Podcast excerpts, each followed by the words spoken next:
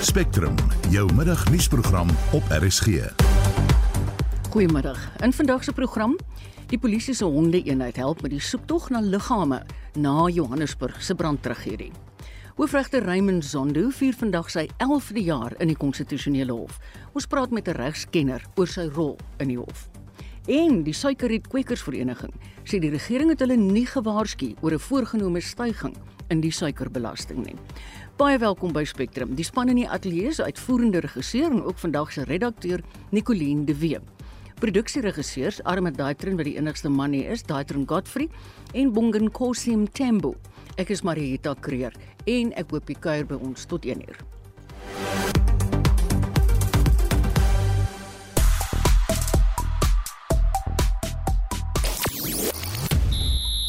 Die Protea manspan moet vanaand se T20 wedstryd teen Australië wen. 'n Eerste vir Laura Wolfhard en die Protea vroue kriketspan en Max Verstappen is gereed om Formule 1 geskiedenis te maak. Ek is Shaun Schuster vir RSG Sport. Ons almal hoor nou al die laaste 2 dae van hierdie verskriklike brand in Johannesburg. Nou sê die spreker van Johannesburg se metro, Colleen Makubele, die tragedie sal 'n waterskeiding oomblik wees in die stryd teen die kaping van geboue. Mense kan eintlik al hoor hoe se luisteraars ja, ja. Nou wil ons graag weet, dink jy dit sal wel die geval wees? Stuur gerus vir ons 'n SMS na die nommer 45889, soos Johnny nou gesê het, al, al ons boodskappe kos R50 elk, of jy kan ook op die RSG Facebookblad jou mening vir ons gee. Jy luister na Spectrum. Elke weekmiddag tussen 12 en 1. Baie welkom terug. Is nou op pad na 6 minute oor 12. Jy kan jou voorstel dis 'n muurnes van bedrywigheid in Johannesburg se middestad waar 74 mense gister dood is toe 'n brand in 'n gekaapte gebou uitgebreek het. Nou, in 'n laaste poging om seker te maak dat niemand agtergelaat word nie, is die K9 eenheid ontplooi om te soek na verbrande liggame. Ons het dit nou ook by Helena aan die nuus gehoor. Ons verslaggewer, Sashin Naidu, is op die toneel. Good afternoon, Sashin. Hi, good afternoon. Please tell us what is the latest? So currently, as we speak, the stats have not changed as yet. We are still sitting on 74 people who have perished in this uh, tragic fire incident.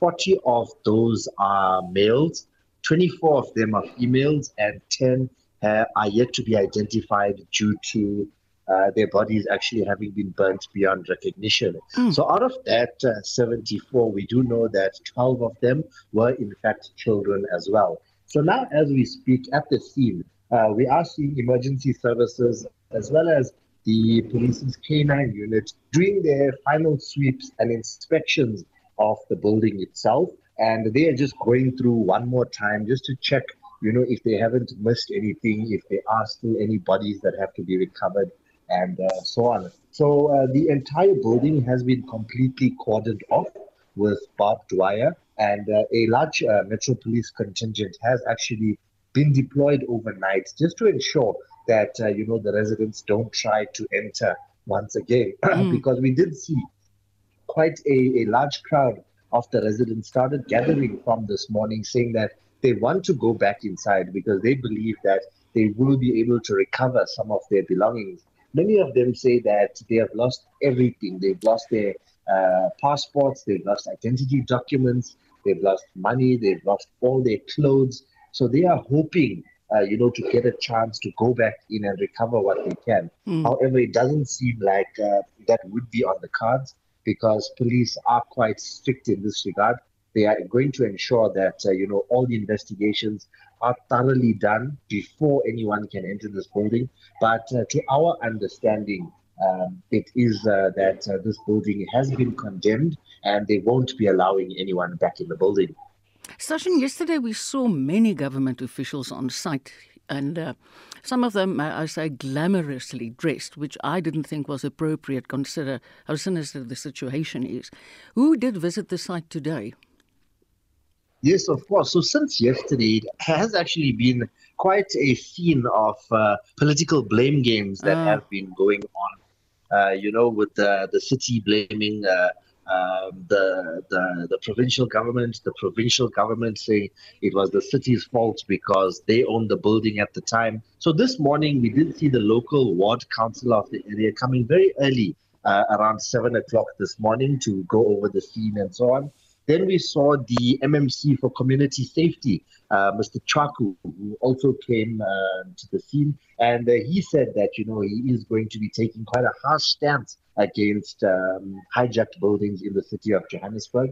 And once he left, he told us that he was, in fact, going to another hijacked building that uh, the city has had their sights on for quite a while to see how they can actually rid of the illegal tenants. Then, lastly, just about an hour or so, I think uh, it was, Minister of Social Development, Lindiwe Zulu, also came to the scene and she said that uh, she wanted to come yesterday, however, she was in Limpopo. But she came here today to ensure that uh, all the social workers that she deployed um, are doing their jobs.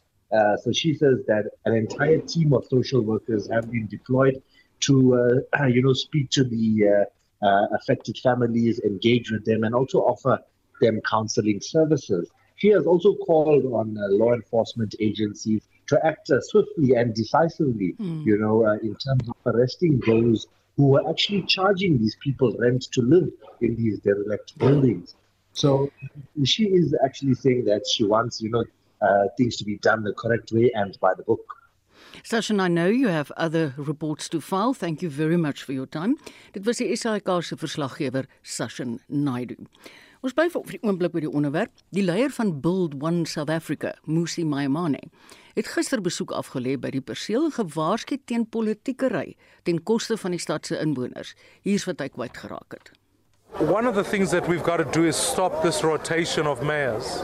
We've got to make sure we stabilize the coalitions, deliver, keep an administration in place, but be effective at continuously. Because whether you change administration or not, the capacity of the city must continue.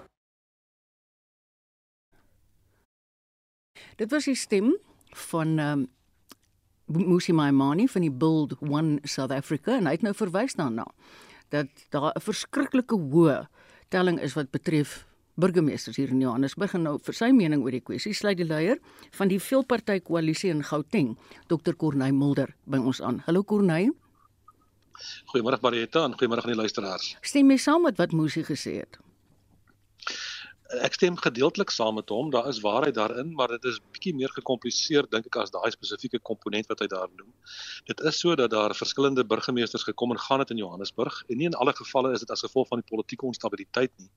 Die luisteraars sal onthou dat twee van die ANC se burgemeesters in redelik onlangse verlede is oorlede in motorongelukke. Mm. En ander is dan ook uit die politieke onstabiliteit wat daar in sekere mate is rondom die koalisies. Vir my en ek wil begin weer te sê mense kan nie uh, genoeg jou skok in in afgryse uitspreek en wat hier basies gebeur het nie. En ek wil ook graag ons simpatie en medewing betuig maar die feit van die saak is jy sien 'n totale verval in terme van Johannesburg in die stad en jy vind dit rondom die infrastruktuur jy vind dit rondom die ekonomiese vooruitgang en ontwikkeling wat hier basies moes plaasvind wat nie gebeur nie. En daar's geen rede hoekom dit gaan stop nie. Dit gaan weer gebeur en dit gaan vorentoe weer wees. En ek dink een van die goeters daarvoor is is dat jy sit nie met 'n effektiewe regering in die stad van Johannesburg nie.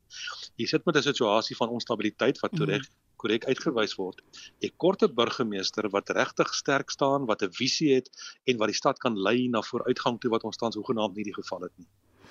Ek was 'n bietjie verstom toe die president gisterand gesê dit was 'n wake-up call vir Suid-Afrika want ek weet nie hoe dikwels kom hulle in die middestad nie. Dis werklik waar verskriklik. Ek wil amper sê verslete. Ja, nee, dit is verskriklik. Ek ek wil nie met die presidente geveg aanloop nie, maar maar as iemand 'n wake up call het, dan weet ons wie dit regtig moet hê. Ehm um, ek weet nie in watter wêreld hy leef nie. Kan hy sien wat in hierdie land aangaan? Kan hy sien hoe die stede verval? Kan hy sien wat in Johannesburg aangaan? Onthou Johannesburg was altyd die ekonomiese hart van Suid-Afrika, mm. nie net van Suid-Afrika nie, maar van Afrika, die goudstad. En daar's totale verval op die oomblik wat aangaan en onder andere dit gaan daardeur dat dit is 'n verval en nie toepassing van wet en orde nie, regulasies, ordonnansies word nie toegepas nie en dan kry hierdie tipe situasie uh, soos ons weet meer as 50 gekaapte geboue in Johannesburg. Hoe lank voordat dit weer gaan gebeur en dit is onder andere as gevolg van 'n laat maar gaan benadering en as die krisis kom dan is almal baie stom en verbaas en word oor en weer geblameer. Dit help nie om dit op daai manier te doen nie. Want mense kan nie dink die administrasie ja ek sê tog ek het net vir 'n oomblik weggeraak. toe wou ek net 'n vraag vra. Kan nie administrasie doen is jy terug by ons kor nou Ek is terug, ek is terug. Herhaal net. nee, ek gaan vir jou herhaal. Kan 'n administrasie doeltreffend funksioneer sonder dat daar 'n doeltreffende regering is? Nee, hulle kan nie. Ons het twee probleme wat die administrasie betref. Ons het 'n ons het 'n gees in Suid-Afrika waar die administrasie verpolitiseerd is deur ja. as gevolg van kaderontplooiing van die ANC se kant af. Jy het nodig 'n absolute toegewyde administrasie wat ongeag partytetiese voorkeure daar is omdat hulle werk wil doen doen administratief. Dit is nie die geval nie. En tweedens as jy dit self sou gehad het, dan het jy nodig dat daar sterk politieke leiding kom van 'n politieke owerheid wat jou stadsraad moet wees met 'n burgemeester vooraan, iemand met 'n visie wat ons hmm. hoegenaamd nie op die oomblik het nie. My my bekommernis is ons kan Johannesburg omdraai. Ons kan dit môre doen. Die die die moontlikheid is om dit môre te doen. Die feit dat dit nie gebeur nie, nou ja, dis 'n ander debat en ons weet wat die antwoorde daarvoor is. Kyk, is nou volgende jaar die algemene verkiesing. En koalisieregerings is in hierdie stadium van die geveg redelik onstabiel. Waar laat dit die kiester? Is daar 'n genoemde rede om volgende jaar te stem? Absoluut. Daar's wat my betref dat ek dit so stel, ons kan nie 'n dag langer aangaan met die situasie in Suid-Afrika met 'n owerheid wat regtig nie by is nie, wat nie Suid-Afrika se belange op die hart dra nie en kyk dan die verval deur die hele land. Ons kan nie dit verder duld nie. Ons moet dit verander. Die enigste manier om dit te verander gaan wees om hulle te vervang met 'n koalisie regering. Daar's nie 'n ander manier nie. Mm. Geen enkele party gaan op sy eie 'n meerderheid kry nie en 'n party wat dit sê praat nonsens. So die koalisie is die antwoord. Die die die die uitdaging is en dit het ons in die handves ooreengekom het met mekaar dat die kiesers kan gaan stem vir 'n party van hulle keuse in daardie handves en weet hulle sal mekaar se hand vat en dan 'n stabiele regering daarstel. En dit is dit is dit is prakties moontlik dit kan gedoen word. 'n Groot deel van die onstabiliteit is met alle respek, jy kort verantwoordelike leierskap. Ja. Mense leiers wat kan uitstyg bo die eie kleinlike partytetiese belang wat die groter prentjie kan sien en kan leiding neem en mekaar se hande kan vat en soms het ons 'n probleem daarmee. Baie dankie vir jou tyd. Dit was Corneil Mulder. Hy is op die oomblik die ou wat help dat hierdie veelpartytjie in Gauteng van die grond af kom en staande bly. Nou 'n kwessie wat ons almal se sakke raak. Suid-Afrikaners moet hulle self staal vir 'n skerp stygings in die brandstofprys oor 'n paar dae. Die petrolprys sal na verwagting tussen R60 en R65 per liter styg, terwyl die dieselprys met tussen R2.77 en R2.85 sal styg. Die stygings is te wyte aan die verswakking van die olieprys en die rand. Ons praat nou hieroor met 'n ekonom van Sequoia Capital Managers, Dr. Chris Harmse. Hallo Chris. Hallo Marita. Ek wil wegval met 'n vraag kyk ons ons raak ja. nou half soos die kreef in die kookwater. Ons raak dit nou half mm -hmm. gewoond. Maar hoe lyk die voorspelling vir Oktober? Kan ons daar asseblief moed skep? Ongelukkig nie, Marita. Nee man, Chris. Ja man. Ons moet nou maar die tendens kyk. As ons gaan kyk die vorige vaststelling wat was op 31 Augustus. Op daai stadium was die rand dollar was 'n koers geweest R17.52. Mm. Ons is ons is vanoggend al reeds hier by R18.60. Die oliepryse op daai stadium was 82 dollar. As ek dit nie mis het nie en ek gaan gou kyk net hier, ek dink die oliepryse is vanoggend 87. Ja, hy was in die week 86 en ek het nog daaroor 'n bietjie geskrik. Dis hy, dis hy. Nou lyk dit my uit vanoggend 87. Ag nee man. Nou wat natuurlik nou hier belangrik is, is dat ons werk op die gemiddeldes. Mm -hmm. Nou as jy nou gaan vat met die vorige vaststelling op 31 Augustus sedertdien uh het die was die olieprys ongeveer so gemiddeld van so 84. So dit was so amper 3-4 dollar meer as die vorige maand. Mm. Nou dit alleen veroorsaak op petrol uh, R1.35 per liter wat ons onderverhaal is en op diesel kyk glo 2.53 Dis 'n tegniese ding. Ouens het nou baie oor gepraat. Ons sukkel om die detail uit te kry oor die geraffineerde prys van petrol en diesel by die hawens. Dan R2.53. As gevolg van baie mense dink jy rand. Die rand is nie so erg nie. Die rand se 30 sent.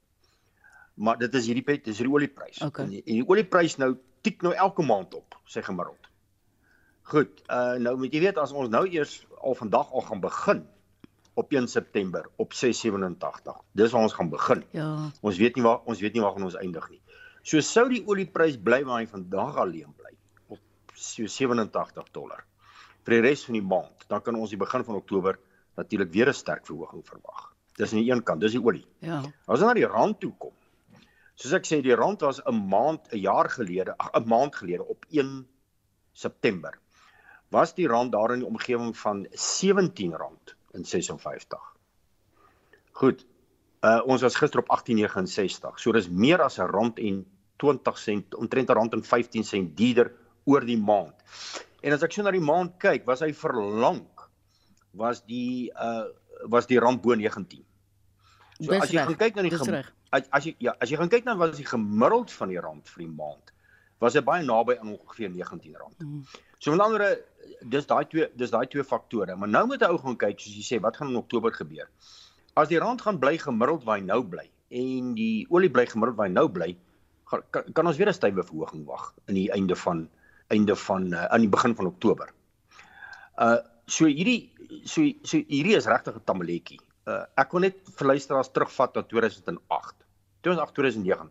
9 ons almal weet van die subprima krisis. En daar's Mm. mm. baie geskryf oor die subprima krisis. Nou in die navorsing wat ek gedoen het, nou ook by Sequoia Capital, het ons tot die gevolgtrekking gekom. Wat was die grootste faktor wat aanleiding gegee het dat die Amerikaanse bankstelsel ineengestort het? Weet jy wat was dit? Dis die olieprys. Dis die olieprys. Want as jy sou teruggaan na 2006, was die olieprys 24 dollar. Ek onthou dit. Goed. Ja, ja, ja. En in 2008, 2008, toe staan die olieprys op 124 dollar. Dit dit is ook ongelukkig iets wat ek onthou. Ja, en dan weet weet wat toe gebeur? Toe draai jy Amerikaanse Federale Reserveraad om. Hy verhoog hy rentekoers 17 keer, van 'n half persent na 5%. Nou weet, dit is so goed as wat ons rentekoers in Suid-Afrika verhoog van 5 na 15%. Mm. Indien in, indien nie hoër nie. Met ander woorde, wat het gebeur? Al daai mense wat gaan geld leen het teen onder die prima koers. Die prima koers is 0.5%. Banke het te vrygewe geraak. Hulle het die ou gesê gesê die prima koers is is 'n half persent. Ek jy kan by my leen vir 0.25 van 'n persent. Ouens het letterlik motorkarre gekoop amper deur niks rente te betaal nie. Dit was gewees 2008. Toe daai Federale Reserveraad omdraai mm. en hulle druk daai ding van 'n half persent op na amper 6%. Toe kan ouens dit nie meer huise betaal nie. Ja. So wat het gebeur? Toe die huise toe die ouens nie meer huise kan betaal nie, toe betaal kan hulle nie meer op hulle verband dit betaal nie en die banke sit onder druk, né? Dis toe stres op daai banke die banke begin op ehm um, uh, bankrot raak. En daar skep dit hierdie hele finansiële stelsel. Nee, Chris, Nou ek moet jou sê, hier is nie 'n 2000 mooi nou prentjie nie. 2023. Ja. Ja. Nou soos in 2023, hoeveel keer het Amerika rentekoerse verhoog? Die laaste uh 13 14 maande? Goed, 11 keer. 11 keer. En ons verwag miskien nou in September 'n 12de keer. So so die vraag is net herhaal hierdie situasie om of nie. Ja, ek hoor jou. Nou is dit so dat ons weet die die die olieproduserende uitvoerlande, hulle is ook 100 dollar. Ja. Saudi-Arabië het nou al vir 3 maande hou hy sy sy sy maandelikse. Ja. van 'n miljoen van 'n miljoen uh, 'n miljoen faadjies, né? Nee. En en dit werk. Ons kan sien dit werk. Soos dit hierdie olieprysstelsel matig begin te styg. So so so dis die tamaletjie waarmee ons Goed. sit. En en nou is natuurlik die vraag wat gaan met ons inflasiekoers gebeur? Op hierdie stadium gelukkig nie 'n pro probleem vir hierdie maand nie, want hoekom ek jou so sê, ons het verlede ons het verlede jaar in September vir diesel net betaal R20.21. In Augustus, ekskuus. So al sou die petrol nou verhoog, diesel verhoog met R2.85, dan is ons op R23.06 wat nog 90 sent laer is as verlede jaar. Ja, ek onthou dit was op 'n koel baie hoog. Baie Chris, ekskuus, ons tyd het ons ingehaal. Dit was Dr. Chris Harmse, hy's 'n ekonom van Sequoia Capital Managers. Die nasionale en Wes-Kaapse regerings, Kaapstad Metro en die vakbond Santaku het na 3 dae van samesprekings 'n ooreenkoms bereik. Die ooreenkoms sluit sekere bepalinge in waaronder taksies geskit kan word en dat taksipassasiers se veiligheid verseker moet word. 'n Protokol waaraan taksibestuurders hulle self moet onderwerp word ook geskryf.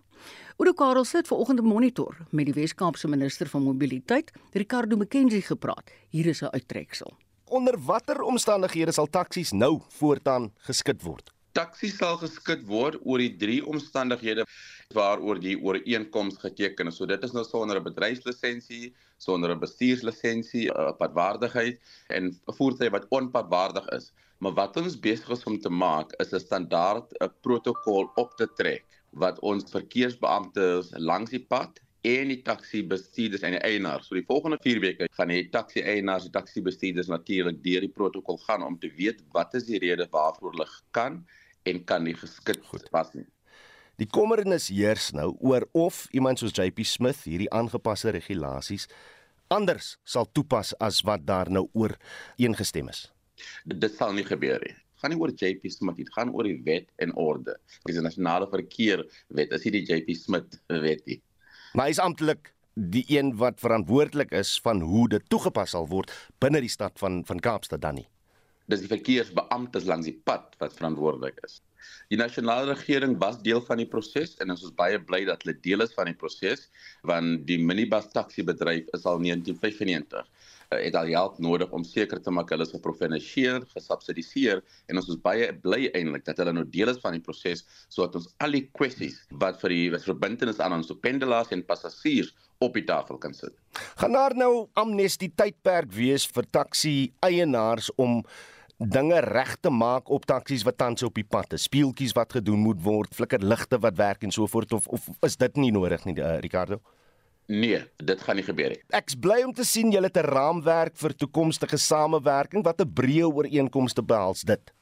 Die breë ooreenkomste oor die laaste 3 dae basies is dat ons gemeenskaplike grond gevind het oor die volgende 4 weke wat ons kan sê oor die drie groot kwessies en die kwessies wat ons wat onmiddellik opgelos moet word.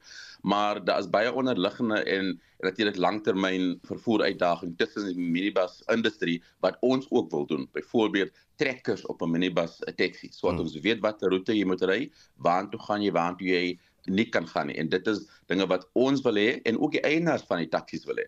Die rede hoekom ons nie voor die staking nie minibus taksies oorlog in die Kaap gehad het nie is as 'n taksi af van sy roete is, dan word jy geskit en dis 'n groot ding want uh, jy uh, besig op 'n ander man se plaas te boer basis. Mm.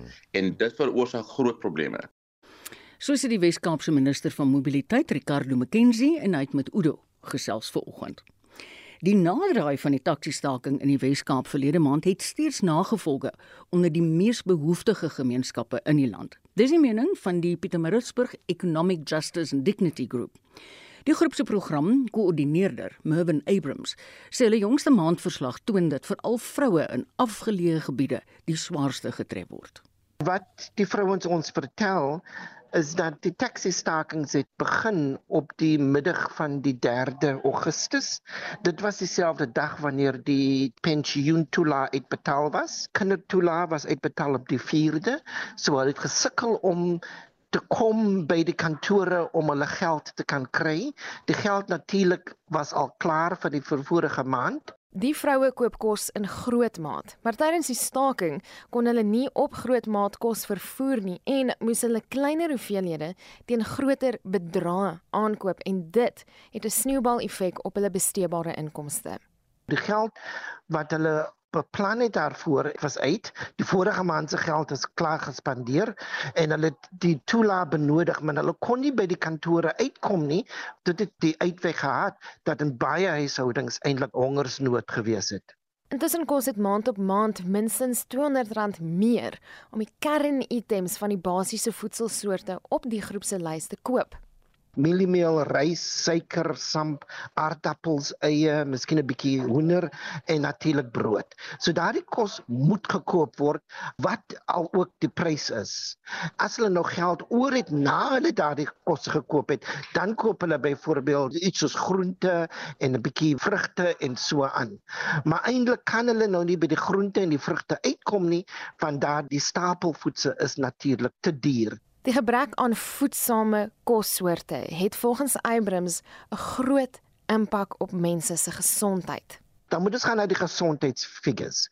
Byvoorbeeld die child stunting is kinders onder die ouderdom van 5 jaar oud omtrent 25%. So een uit elke 4 kinders is stunted. En dit is as gevolg van chronic undernutrition.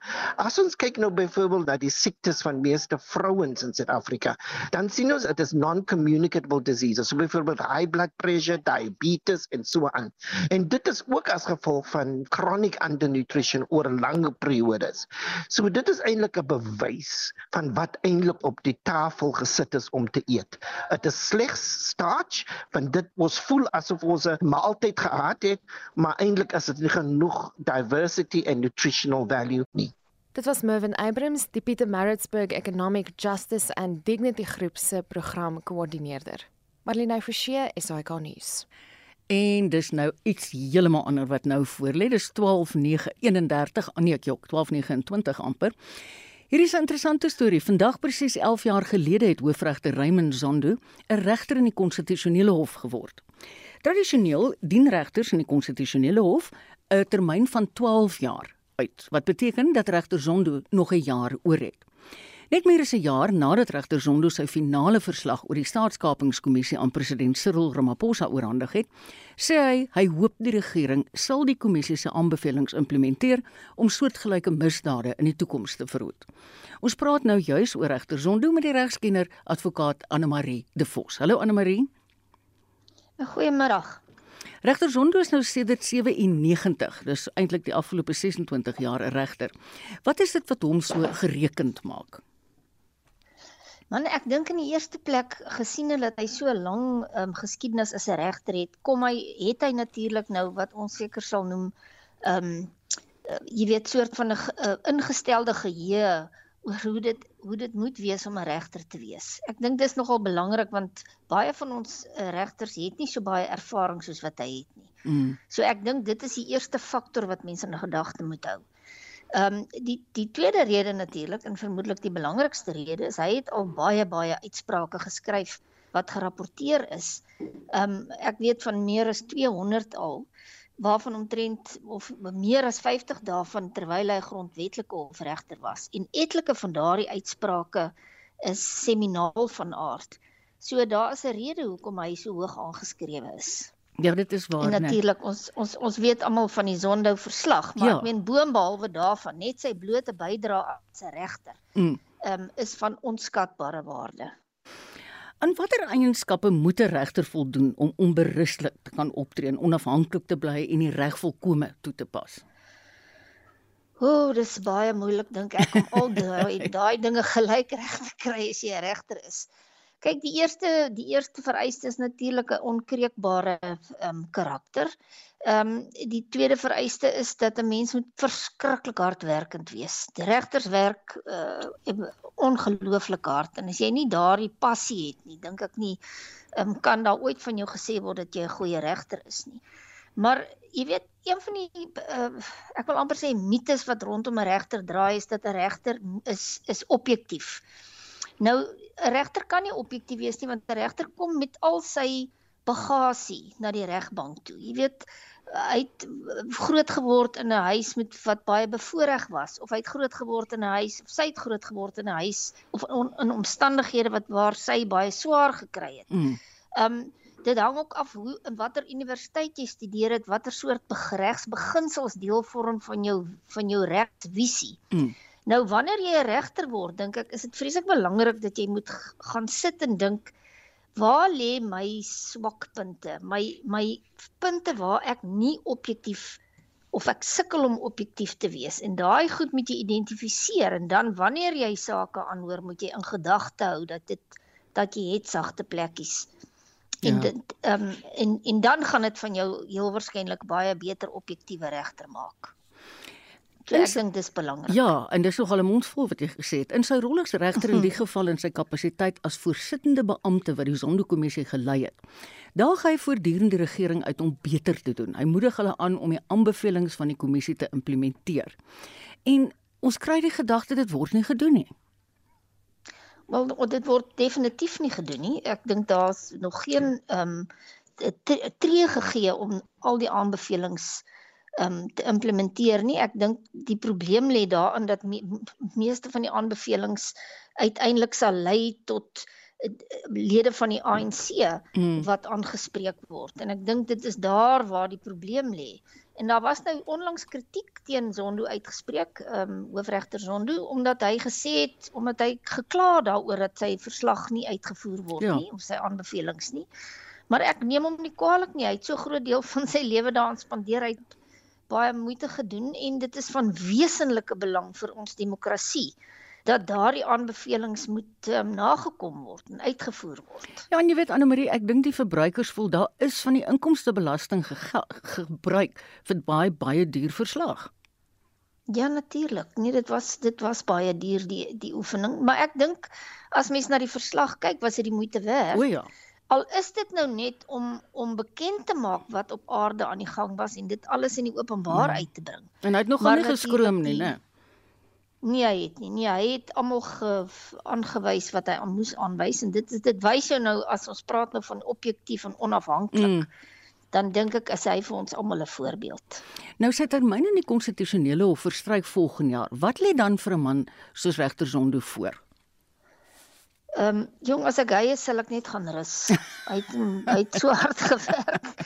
Maar ek dink wat gebeur is dat regters kry die geleentheid daarna hulle word uitgenooi na na baie plekke toe waar hulle kan waar hulle sal byvoorbeeld toesprake lewer en so aan. Ehm um, en ek dink baie van hulle lewer nog steeds 'n bydrae. Mm. Uh, opleiding ehm um, jy weet artikels skryf en die meer ek die en dis meer ek dink nie hy gaan is 'n man wat sommer net gaan stil sit op 'n plaas en met hoenders gaan begin boer nie. Nee, daarmee moet ek saamstem. Baie dankie Anne Marie. Dit was die regskenner advokaat Anne Marie de Vos intussen het die horlosie aangestap na 12:35. Ons het vroeër vandag gevra wat dink ons luisteraars. Hulle het nou gesê maar hierdie is nou 'n keerpunt in Johannesburg. Hulle gaan nou die bil by die horingspak in die stad opruim. Dink julle dit gaan inderdaad gebeur? Op ons SMS-lyn sê Rihanna, ons land is totaal buite beheer en ons kan dit nie stop nie. Ons het reeds handdoek ingegooi. Misdaad en oorbevolking en dit laat die land brand. Anoniem, die mense sal nog steeds by ou geboue intrek. Almal wil mos in die stad bly. Ook anoniem, daar's geen ander oplossing teen kapers van geboue nie. Sobat gaan nie help nie en geen huidige leier is bereid om op te tree nie.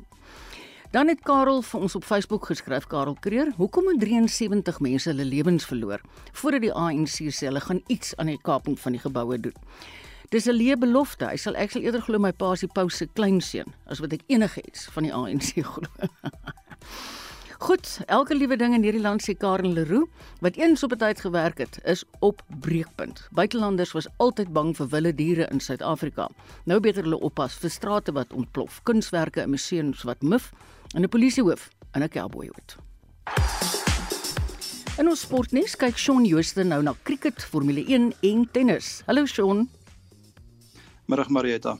Op die cricketveld is die Proteas vandag in twee internasionale T20 wedstryde in aksie, né? Nee?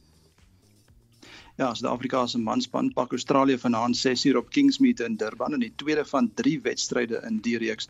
Nou die Aussies loop 1-0 voor en kan die reeks vanaand beklink met nog 'n oorwinning. Australië se rekord in T20 wedstryde teen Suid-Afrika lees nou 15 gewen en 8 verloor. In die derde en laaste wedstryd van Sondag weer op Kingsmead plaas.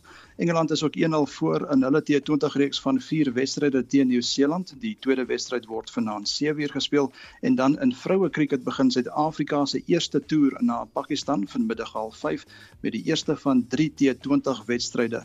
Die paaltjiewagter Laura Wolfhard is die nuwe spankaptein en die Proteas het 10 van die 18 T20 wedstryde teen Pakistan gewen. Al drie wedstryde in die reeks en ook die drie eendagwedstryde wat volg word by die nasionale stadion in Karachi gespeel. Die Red Bull Formule 1 renjaer Max Verstappen kan dalk hierdie naweek geskiedenis maak. Ja, die Formule 1 aksie verskuif hierdie naweek na Monza, Italië vir ronde 14 van 22. Nou Verstappen kan sy 10de agtereenvolgende oorwinning behaal en die alleenhouer van die rekord word wat hy heidaglik met die Duitser Sebastian Vettel deel. Nou Verstappen bly ook op koers om nog rekords later die seisoen te breek. Dis die 15 oorwinnings wat hy verlede jaar behaal het en ook die meeste seisoen in 'n punt in meeste punte in 'n seisoen wat uh, 454 is hy dit in 2022 reg gekry. Nou hy staan heidaglik op 339 punte met nog 9 wedrenne oor en hy het reeds 11 Grand Prix gewen. Ja. Nou die derde ronde van die Amerikaanse tennis begin vandag. Ja, in die derde ronde van die mans afdeling kom die plaaslike nommer 14 Tommy Paul teen die nommer 21 van Spanje Alejandro Davidovich en die 10de gekeerde Amerikaner Francis Tiafoe teen die nommer 22 van Frankryk Adrian Manarino en Servië se nommer 2 Novak Djokovic teen sy landsgenoot Laslo Djere te staan en dan in die vroue afdeling stap die plaaslike nommer 6 Coco Gauff teen die nommer 32 van België Elise Mertens en die nommer 4 Elena Rybakina van Kazakhstan teen die nommer 30 van Roemenië Sorana Sirstia môreoggend op die baan uit. Baie dankie, dit was Shaun Jooste van ons sportredaksie. Spectrum, jou middagnuusprogram op RSG. Is nou 18 minute voor 1. Gister se staatsgreep in Gabon is die 8ste staatsgreep in Sentraal en Wes-Afrika in 3 jaar. Ses van die lande lê reg langs mekaar. Die hele enpad van Guinea tot by Sudan.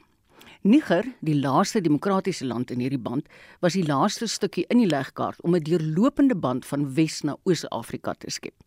Die staatsgreep in Gabon is ietwat van 'n uitskieter, maar 'n senior opleidingskoördineerder van die ENACT program by die Instituut vir Sekuriteitsstudies, Willem Els, sê hy is nie verbaas nie.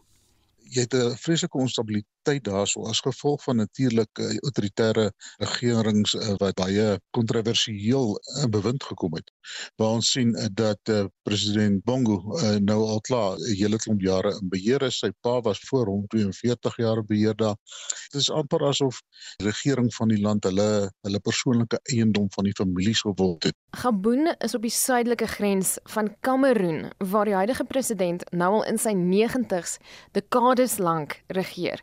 Net in die noordoostelike grens van Kameroen lê Chad waar 'n staatsgreep in 2021 uitgevoer is en teen die noordwestelike grens van Kameroen sit Niger wat in Julie vanjaar deur die weermag oorgeneem is. So ons sien dat eh uh, president Paul Biya van Kameroen het baie nader aan eh uh, Wagner beweeg en eh uh, dat hy gister ook dan natuurlik sy hele militêre struktuur vervang het En dit is dalk 'n strategiese stap vir die president want volgens Els is Kameroen ryp vir 'n staatsgreep. Ons sien hy's bekommerd, jy weet hy raak nou aan die 90. Die regering is ook baie autoritair. Hulle sit met 'n baie groot probleem aan die een kant uh, die land is verdeel tussen jou uh, frankofoon en jou anglofoon mense daar's ook natuurlik 'n rebelle mag wat besluit teen die regering en natuurlik aan die noorde sit hulle met die onstabiliteit met Boko Haram wat van Nigerië se kant af inkom en ook dat so die land self is baie onstabiel die regering self is baie autoritair en kleptokraties en uh, die land word bestuur asof dit die eiendom is van die regerende familie So wat staan Kameroen ideaal gesproke te doen om die skip om te draai? Wat Kameroen kan doen natuurlik is om meer inklusief te beweeg, om baie nader aan die mense op die grond te beweeg omdat ons sien daar's 'n geweldige verwydering tussen die jong mense op die grond en die jonger wordende bevolking en die ouer wordende uh, regerende elite. So hulle sal moet afkom na die grond toe, hulle kan miskien kyk om inklusief te regeer waar hulle begin om die jonger uh, kandidate in te bring en dan natuurlik vernuwing in die land te bring. Intussen Gabon en Kameroen sit Ekwatoriaal Guinea wat sowat 2000 vierkante kilometer kleiner is as Lesotho. President Ngema daarso is uh, ek dink dat die langsregerende staatshoof van Afrika Hy het ook met 'n staatsgreep aan bewind gekom. Sy presidensiële wag bestaan uit ongeveer 200 Marokkaanse soldate wat hom oppas uh, teen sy eie mense. So hy is nie president van die mense nie. Ons sien ook dat hy die land bestuur as sy eiendom waar hy ook dan natuurlik sy seun aangestel het as die adjunkpresident. Dit was Willem Els, 'n senior opleidingskoördineerder van die ENACT program by die Instituut vir Sekuriteitsstudies. Ek is Marlene Forsie vir SAK nuus. Op ek op kwart voor 1. Die suikerrietkwekersvereniging sê die regering het hulle nie gewaarsku oor 'n voorgenome stygings in die suikerbelasting nie. Die vereniging sê die belasting het die bedryf erg seer gemaak. Vir meer hieroor praat ons nou met die bestuurshoof van die suikerrietkwekersvereniging, Dr. Tomaas Vanke. Goeiemôre Tomaas. Goeiemôre. Kom ons neem een stap terug. Hierdie suikerbelasting is 6 jaar gelede ingestel. Watter regte effek het dit op julle bedryf gehad? Ja, kyk, die ehm um, toe die belasting ingestel het of ingestel is, ehm um, het ons verkope met uh so wat 250 000 ton per jaar afgeneem en dit is nou suikerverkope aan die bedryf. En uh dit het 16000 werksgeleenthede ehm um, uit uit werk gesit. So uh ons ons vra maar net vir die regering dat ons konsultasie konsultasie kan hê met hulle sodat ons um enige verder verhogings kan verhoed in die toekoms. Wat sal nou gebeur as daar 'n verdere stygings kom? Ja, dan gaan die um die industriële ge um uh bedryf um weer eens herformuleer. So um daai koeldranke wat suiker bevat um, gaan weer afgeskaal word en um, ons gaan natuurlik daaronder lê mm. want ons gaan minder suiker aan die bedryf verkoop. So ehm um, dit gaan net tot meer werksgeleenthede verliese ja. lei uh, ja. in die langtermyn. Kyk, ek weet die konsepwetgewing is nou gepubliseer, maar ek aanvaar julle ouens gaan kommentaar lewer daarop. Absoluut. Ons het ook ehm um, ons weet ook dat eh, minister Godongwana ons gevra het om te diversifiseer en ons is tans besig met 'n groot studie om dit reg te kry. Um, hy het ons 'n 2 jaar gegee om dit te doen. Maar ons weet almal dat 2 jaar vir so 'n groot projek en so 'n industrie wat nogal oud is en weet lank vat om rigting te verander, um, nie 'n lang tydperk is nie. So ons werk baie hard om dit te te doen in tyd maar natuurlik gaan um, ons bietjie meer tyd nodig hê. Ek het jou hulp nodig. My inleiding het gesê dis Thomas, maar is jy Thomas? Ja, dis korrek, nou, Thomas. Ekskuus ja, dat ek dit verkeerd gedoen het, Thomas. Ek wil by jou weet, Thomas, hierdie gesondheidsheffing, soos ons dit nou sommer noem, die suikerbelasting, is dit inderdaad doeltreffend? Gebruik mense nou minder suiker? Kyk, wat ons kan sien is dat die suikerverkope afgeneem het. So met ander woorde, hierdie verkope aan die industriële ehm um, industrie wat hierdie koeldranke maak. Mm. Maar ehm um, ons is nog steeds van die opinie dat ehm um, ons nie noodwendig 'n gesonder bevolking het weens die heffing nie. En uh vir ons is dit belangrik dat werksgeleenthede in ons bedryf beskerm word en dat die regering 'n meer omvattende beleid vir gesondheid uh ontwerp en nie net een produk ehm um, aanval nie. En en dis eintlik waaroor weet ons nie tevrede is nie dat dat ons um, ons word nie gehoor nie so te sê en ons uh, vra nou die regering weer eens om asseblief met ons te konsulteer. Ja, en ek dink julle trek net uh, aan die kortste eind. Dis nie 'n kwessie van wen-wen nie. Ek meen die regering kry inderdaad meer inkomstebelasting, maar ek weet soos jy tereg sê, daar's hoeveel werksgeleenthede wat daarmee heen is. Absoluut, ja. En en dis werksgeleenthede in ehm um, Natal, KwaZulu-Natal en Mpumalanga waar dan nie eintlik ander ekonomiese aktiwiteite is nie. Suiker is ja. maar, jy weet, die grootste hmm. gewas wat geplant word en hierdie arme mense het nou nie 'n ander inkomste nie en en dis natuurlik dan weer 'n uh, 'n negatiewe effek op die regering want hmm. ehm um, nou kom die grants weer in ag, jy weet, en kindergeld en so ja. aan wat um, natuurlik 'n uh, 'n groter impak op hulle het. Uh, ons ons ja, ons is nog steeds van die van die punt dat Ehm um, dan moet 'n beter oplossing gevind word. Thomas baie sterkte vir dit wat vir julle voorlê en ons sal beslis in die toekoms weer met jou gesels. Dit was Dr Thomas Funke en hy is van die Suikerriet Kwekers Vereniging. Die taksi-organisasie Santaku sê hy vorder om die bedryf in die Oos-Kaap te reguleer. Santaku het nou 'n kontantlose stelsel vir taksies en vervoer vir skole begin. Dit sluit in 'n navigasie-opsporingsstelsel en die regstreekse monitering met kameras. Mitsie van der Merwe het meer.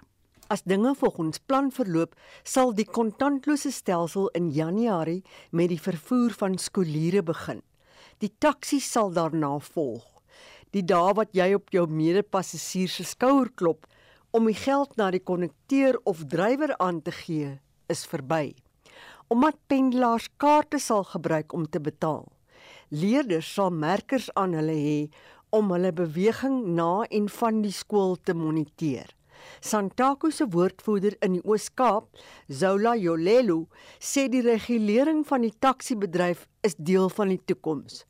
This program will benefit the communities. The cashless system, it advisable that the communities must appreciate it because the use of cash is carrying an element of crime.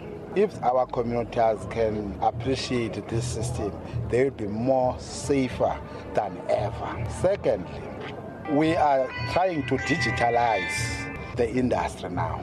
We are getting to the steps of the fourth industrial revolution.